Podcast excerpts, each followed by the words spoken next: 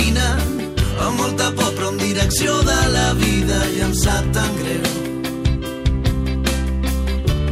Solidaris. No us ho mereixeu. No et donis per vençut. Aquesta setmana ha fet un any de l'assassinat de l'activista ambiental hondurenya Berta Cáceres. Amb Adrià Bas. Tu lucha es un ejemplo de honor y sentimiento. La tierra hizo flora, con pena hoy te llora. El cas de la Berta es va tornar paradigmàtic per les amenaces repetides que van rebre ella i la seva família i s'ha pres com a exemple i reivindicació a l'Amèrica Llatina. Però no és l'única persona que s'hi ha deixat la vida mentre defensava els drets humans i els drets ambientals davant d'altres persones amb interessos empresarials, polítics i econòmics menys col·lectius i més particulars. Perquè mai més no torni a haver víctimes com la Berta, pareu atenció a la següent història. Està al costat dels qui veuen conculcats els seus drets més fonamentals Xavier Mas Llorenç, president de l'ICIP. i que pateixen risc per la pròpia vida i seguretat, acompanyar-los, que aquesta és la paraula clau, està en el cor mateix de l'ètica de la cura que promovem des de les institucions i entitats que treballem per la pau. Els solidaris sempre reconeixem el mèrit dels cooperants, dels activistes, d'aquella gent que fan una passa endavant, que se signifiquen i defensen una causa justa.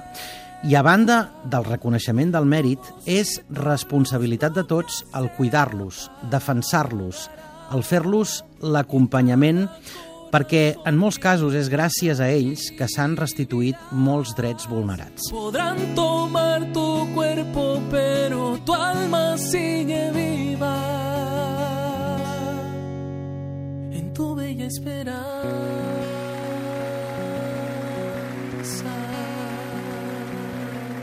Amb aquest objectiu, l'any 1981 van néixer les Brigades Internacionals de Pau, una ONG creada per un grup d'activistes que s'inspiraven en les pràctiques de no violència activa de Gandhi.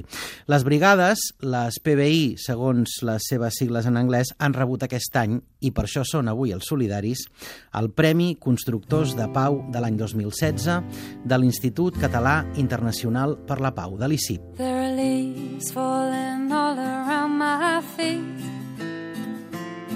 With the wind howling high, I up at the sky.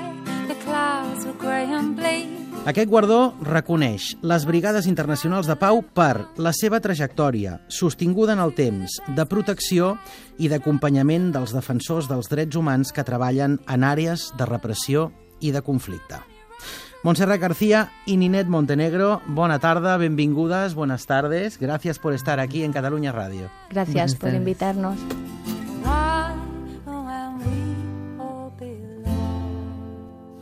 La Montserrat García és la representant internacional de les Brigades Internacionals de Pau a l'estat espanyol i la Ninet Montenegro és diputada del Congrés de Guatemala i una històrica activista que coneix de prop les brigades. Señoras, 35 años, una trayectoria, una historia sobre el terreno, acompañando a personas y a organizaciones que sufren amenazas constantes, intimidación, asedio, persecución, los han puesto en prisión, incluso los han torturado a causa de sus ideas, de sus creencias, de sus pensamientos, y todo a través de personas voluntarias, ¿es así? Pues sí, nuestros equipos en el terreno están mayoritariamente compuestos por personas voluntarias. Probablemente más de cientos, quizás hayan pasado miles de personas en cada uno de los 13 países donde Brigadas ha tenido proyectos desde el año 81. La Ninet Montenegro i la Montse fa molts anys que es coneixen perquè les brigades també fa molts anys que estan implantades a Guatemala, ¿verdad, Montse? Sí, el primer proyecto de brigadas surge en Guatemala y la primera organización acompañada es la organización que fundó Ninet, el GAM, el Grupo de Apoyo Mutuo. ¿Cuándo llegaron a Guatemala y en qué contexto? Bueno, nosotros aprovechamos que hubo una apertura a nivel internacional cuando estaba gobernando Ríos Montt y allí que nos fuimos porque, bueno, había esa necesidad, ¿no?, en este momento de conflicto en Guatemala y empezamos eso acompañando al GAM Estem parlant de l'any 83? del año 83, sí. Mm. Ah, L'acompanyament internacional dissuadeix els atacs contra civils en zones de conflicte? El cas de Guatemala, però potser també a altres llocs? Pues la presencia de acompañantes, observadores internacionales, sí que persuade. Si son, digamos que las entidades que quieren atacar o los posibles agresores tienen algún tipo de enlace con aparatos del Estado, Ajá. porque funciona. Nosotros lo que hacemos es, con nuestra presencia internacional, estamos siendo como ojos ¿no? de- del exterior de lo que está pasando, pero también tenemos todo un trabajo político detrás, de trabajo de incidencia en los países donde tenemos eh, grupos de país y también en los países donde tenemos los proyectos. Hacemos reuniones con las autoridades mostrando preocupación. Entonces, eh, somos como los ojos, ¿no? Que damos la voz de alarma cuando es necesario porque nos preocupa una situación de violación de derechos humanos. I, per tant, que aquest paper el facin persones civils, voluntàries, vingudes de fora, eh, fa que si qui està violentant un dret humà és un propi govern, és un estat, s'ho pensi dues vegades abans de fer-ho en la mesura que la comunitat internacional li pot fer pressió com a país, és això. Sí, eso es, exactamente. Es un poco ese, esa es la, la estrategia, sí. Ninet, en un caso como el suyo, ¿qué papel tuvieron las brigadas internacionales? Bueno, yo los conozco a ellos en el año 1984. Ujú. Fue el año en el que secuestraron a mi esposo, Edgar Fernando García, en el 18 de febrero. Y ante esa situación inicio yo la búsqueda de él en diversos lugares, instituciones psiquiátricas, eh, cárceles, cementerios, etcétera, y voy conociendo a personas, a personas que también tienen la misma situación que yo, porque el año 84 fue un año de barrida en la ciudad capital, de sobre todo de dirigentes estudiantiles. Pues después de esto nos organizamos, pensamos que juntas éramos mujeres, que juntas, porque secuestraban a los hombres, casi casi nunca eran mujeres, pero sí había. Usted y su Bueno, marido en esa época eran muy jóvenes. Sí, éramos personas muy jóvenes ambos. Estábamos muy recién casados y teníamos apenas una niña de año ocho meses. Y a su marido todavía no, no lo encontraron. Aún el día de hoy su estatus es detenido, desaparecido. Desaparecido. Así es, lamentablemente. Ni siquiera han Ni- podido legalmente darlo por muerto para una Ni cuestión siquiera administrativa. se le ha podido dar por muerto porque seguimos en un proceso aún después de tantos años Mm. de búsqueda de sus restos, especialmente por su madre y su hija, y además de justicia. Eh, quiero contarle que un general, esto es histórico, un general ha llegado a prisión por el secuestro de, de mi esposo, pero por supuesto, más de 30 años después, no, no, no antes. La lucha antes fue durísima y las personas que nos organizamos, los familiares, también fue, fueron víctimas de, de asesinatos. Por eso cuando asesinan a la vicepresidenta del GAM, la matan junto a su niño, es cuando yo voy, toco literalmente las puertas de brigadas de paz y pido apoyo. Y es cuando ellos me empiezan a apoyar para, llamémosle así, cuidarme Con sus cuerpos, ¿verdad? Porque Protegerla, que- porque a usted misma la, la día- amenazaban de muerte. Mm, nos pasaban ametrallando, nos tiraban bombas, nos intimidaban, fue una cosa espantosa. Pero yo le diría, mi hija fue cuidada día y noche, de lunes a domingo, y yo también de lunes a domingo dormían en mi casa, desayun- de- todo en mi casa y en la calle juntos. Y de esa suerte, hasta antes de la firma de los acuerdos de paz, yo fui apoyada por ellos y creo que eso me permitió no solo seguir librando la batalla que aún hoy día se da por este caso y sobrevivir. Si no es por Brigadas de Paz, yo estaría muerta. Eso se lo puedo asegurar.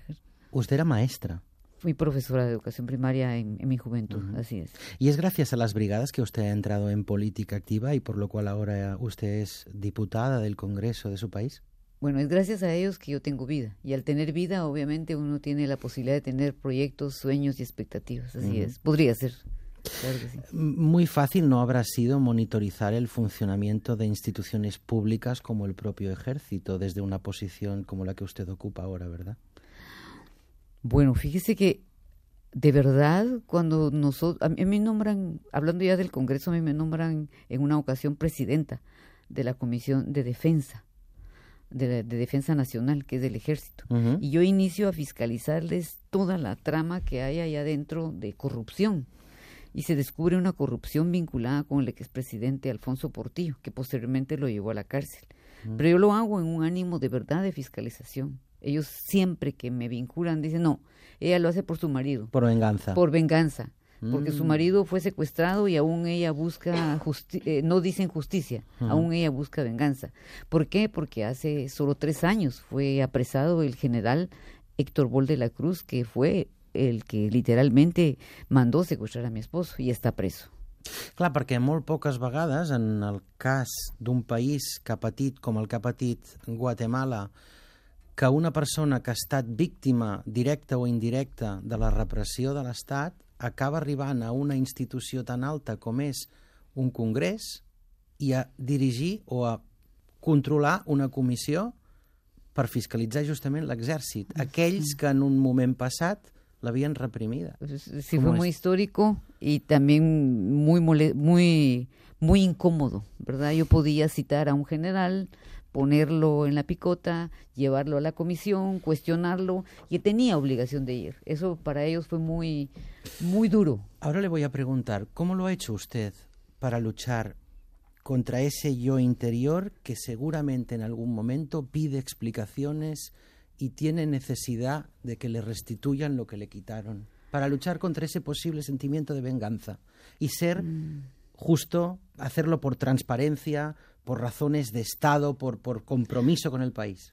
Fíjese que durante más o menos unos 10 o 12 años yo viví con un odio en mi corazón muy fuerte. Y ese odio me estaba consumiendo a mí, no a otros.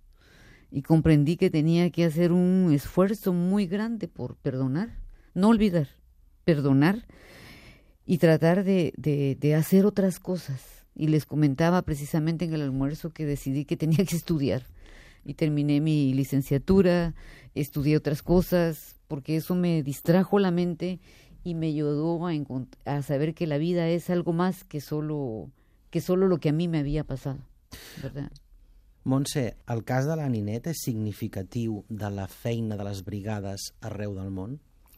Yo creo que sí que puede ser un caso emblemático, ¿no? Porque en, en esa época que acompañábamos a Ninet también acompañábamos a otros activistas. Me estoy acordando de Amilcar, del CERG, que también, pues como a Ninet se le acompañaba 24 horas al día. Ahora nuestro trabajo es diferente, pero también yo creo que, que ayudamos, ¿no? Y que se sigue manteniendo presencia permanente. Por ejemplo, en Colombia, en la comunidad de paz de San José de Apartado, hay voluntarios viviendo permanentemente y de hecho, pues yo creo que gracias a ello la comunidad no sufre tantas incursiones paramilitares como podría. De hecho, ahora hay una alerta en PBI Colombia porque recientemente han sufrido la violencia paramilitar en la comunidad y están muy preocupados. Entonces, yo sí que creo que, que nuestra presencia hace una diferencia pero la lucha es de ellos. Nosotros solamente estamos ahí para acompañar, para observar y para ser como eso, un poco voz, lo que tú decías no antes, afuera de nos preocupa esto que está pasando, se están violando estos convenios, estos tratados, estos derechos humanos aquí. Hacer divulgación, advocacy, no? Mm. Eh, Qual és el perfil de la persona que forma part de les brigades internacionals? Bueno, pues ¿Es por, por voluntad propiamente o también depende de su orientación profesional, capacidad, especialidad?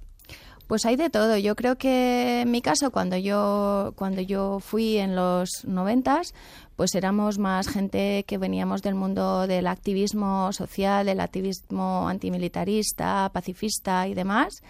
Y ahora pues hay otro tipo de perfil de voluntario que, que quieren dedicarse a lo mejor sí al mundo de los derechos humanos de manera profesional y que Brigadas les permite una experiencia en terreno interesante, ¿no?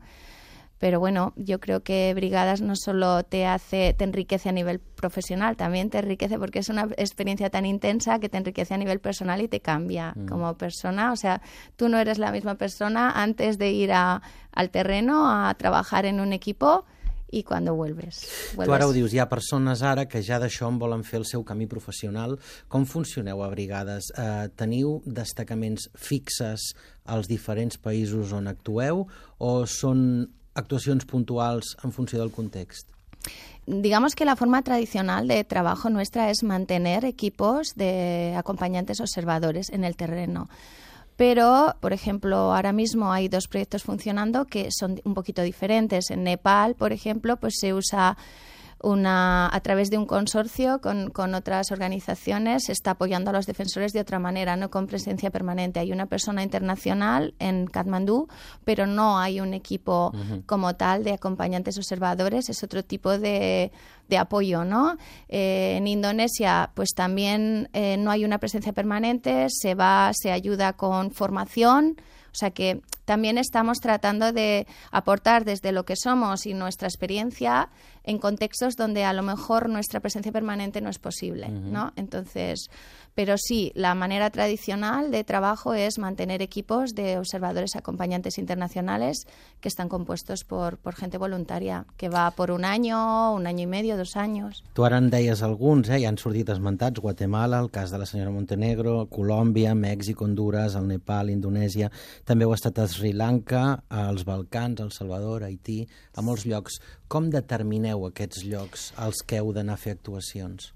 Pues son los defensores los que hacen un llamado a brigadas. Nosotros vamos a los países donde recibimos una petición. Uh -huh. Por ejemplo, el caso de Kenia fue un caso un, un, pelín diferente porque la petición partió de Amnistía Internacional, no, no tanto de los defensores keniatas, pero siempre que hay una petición eh, se conforma un proyecto exploratorio, se mandan personas que hacen una exploración en el terreno y se hace una reflexión, un análisis después de estas exploraciones donde se, se habla con las organizaciones, con el gobierno, con otros partidos políticos, con el cuerpo diplomático, etcétera. Se hace un trabajo bastante profundo de ver si cabe la posibilidad de que PBI tal y como trabajamos y con nuestras herramientas cabe en este país o no una de nuestras preocupaciones es trabajar con un estatus jurídico en el país. ¿no? En, en, base a así podemos conseguir un estatus jurídico y dar esta seguridad a, nuestros, mmm, a las personas voluntarias, a nuestros equipos de, uh -huh. de trabajo en terreno, pues podemos decidir ¿no? si, si, si hay esta opción o no. Pero siempre, siempre parte de una petición de organizaciones o de terceros uh -huh. para poder ir. Señora Montenegro, en el caso de Guatemala, la observación internacional ¿Qué papel ha tenido, qué peso ha tenido en la reparación y en la restitución de la democracia y de la justicia? Bueno, por un lado el trabajo interno de los propios guatemaltecos, que decidimos librar esas batallas frente a un ejército verdaderamente criminal, uh -huh. que no se midió para secuestrar, torturar y matar, uh -huh. fue de suma importancia. Y el apoyo en esa época eh, yo me recuerde, solo estaban brigadas de paz, de brigadas de paz internacional, en ese momento pues fue sumamente importante para que nuestra organización y posteriormente otras organizaciones fueran resurgiendo y reactivaran la lucha por el retorno a la democracia, la institucionalidad el término del conflicto interno armado porque hubo una guerra de 36 años en Guatemala. Por eso se lo digo, porque fue muy larga. y porque sí, que vengan de fuera no muchas veces sirve para que de adentro se puedan solucionar sí, las cosas. Pero, pero, sí, sí ayudó muchísimo porque ya la presión internacional era muy, muy fuerte Ajá. para que Guatemala ya terminara tantos años de dictadura militar, la denuncia de más de 40 mil desaparecidos, las agresiones contra nosotros como familiares de desaparecidos, el matar, llegar a matar hasta el hijo de la vicepresidenta del GAMI, quitarle las uñas, imagínense, eso fue, fue algo muy dramático lo que vivimos nosotros, hace que al final, en 1986, el ejército vaya cediendo, permita una Asamblea Nacional Constituyente y permita la primera elección civil. No tan democrática porque ellos mismos decían que solo 30% de poder tenía el presidente de esa época, ¿verdad? Imagínense, 30%. Pero claro. paulatinamente hasta 1996 que se firman los acuerdos de paz, yo le diría, Guatemala ha ido consolidando su democracia, institucionalizándola. Es más, somos el único país de América Latina que hoy ha llevado a la prisión a un expresidente y a una ex vicepresidenta en funciones. Y yo le podría a usted preguntar, ¿qué otro país de América Latina ha hecho eso? Ninguno. Esto, esto le demuestra a usted cómo cada día vamos fortaleciendo nuestras instituciones con, con, con, claro, con procesos muy dolorosos y todavía mafias adentro del Estado, pero, Mm. pero hemos ido caminando. Por eso el juicio a Ríos Montt, que además fue televisado, que lo vimos en todo el mundo y que aquí al Solidaris el vam seguir en el seu moment, eh, fue un momento clave de la historia reciente de, de- de Guatemala. También fue otro momento muy, muy Mm. difícil, muy Mm. complicado, pero que también demostró que a pesar de que se ha ido institucionalizando, el conservadurismo, la fuerza de la derecha sigue siendo muy fuerte.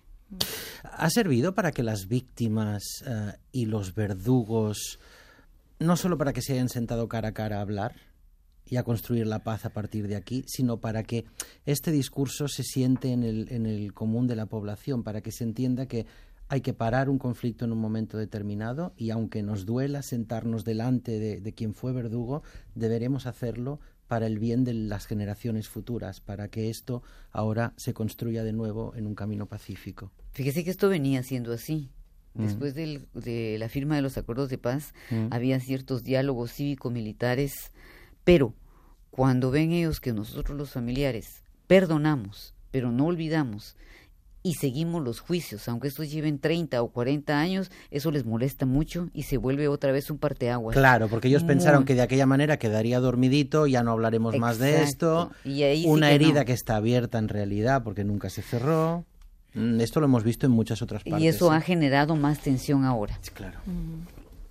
Senyores, enhorabona per aquest premi ICIP Constructors de Pau d'aquest any. Montserrat García, Ninet Montenegro, ha estat un gust que avui fossin aquí als Solidaris. Moltes gràcies. Muchas Muchas gracias. gracias. Les entrevistes, els reportatges, les seccions dels col·laboradors. Descarrega-te'ls a catradio.cat barra solidaris.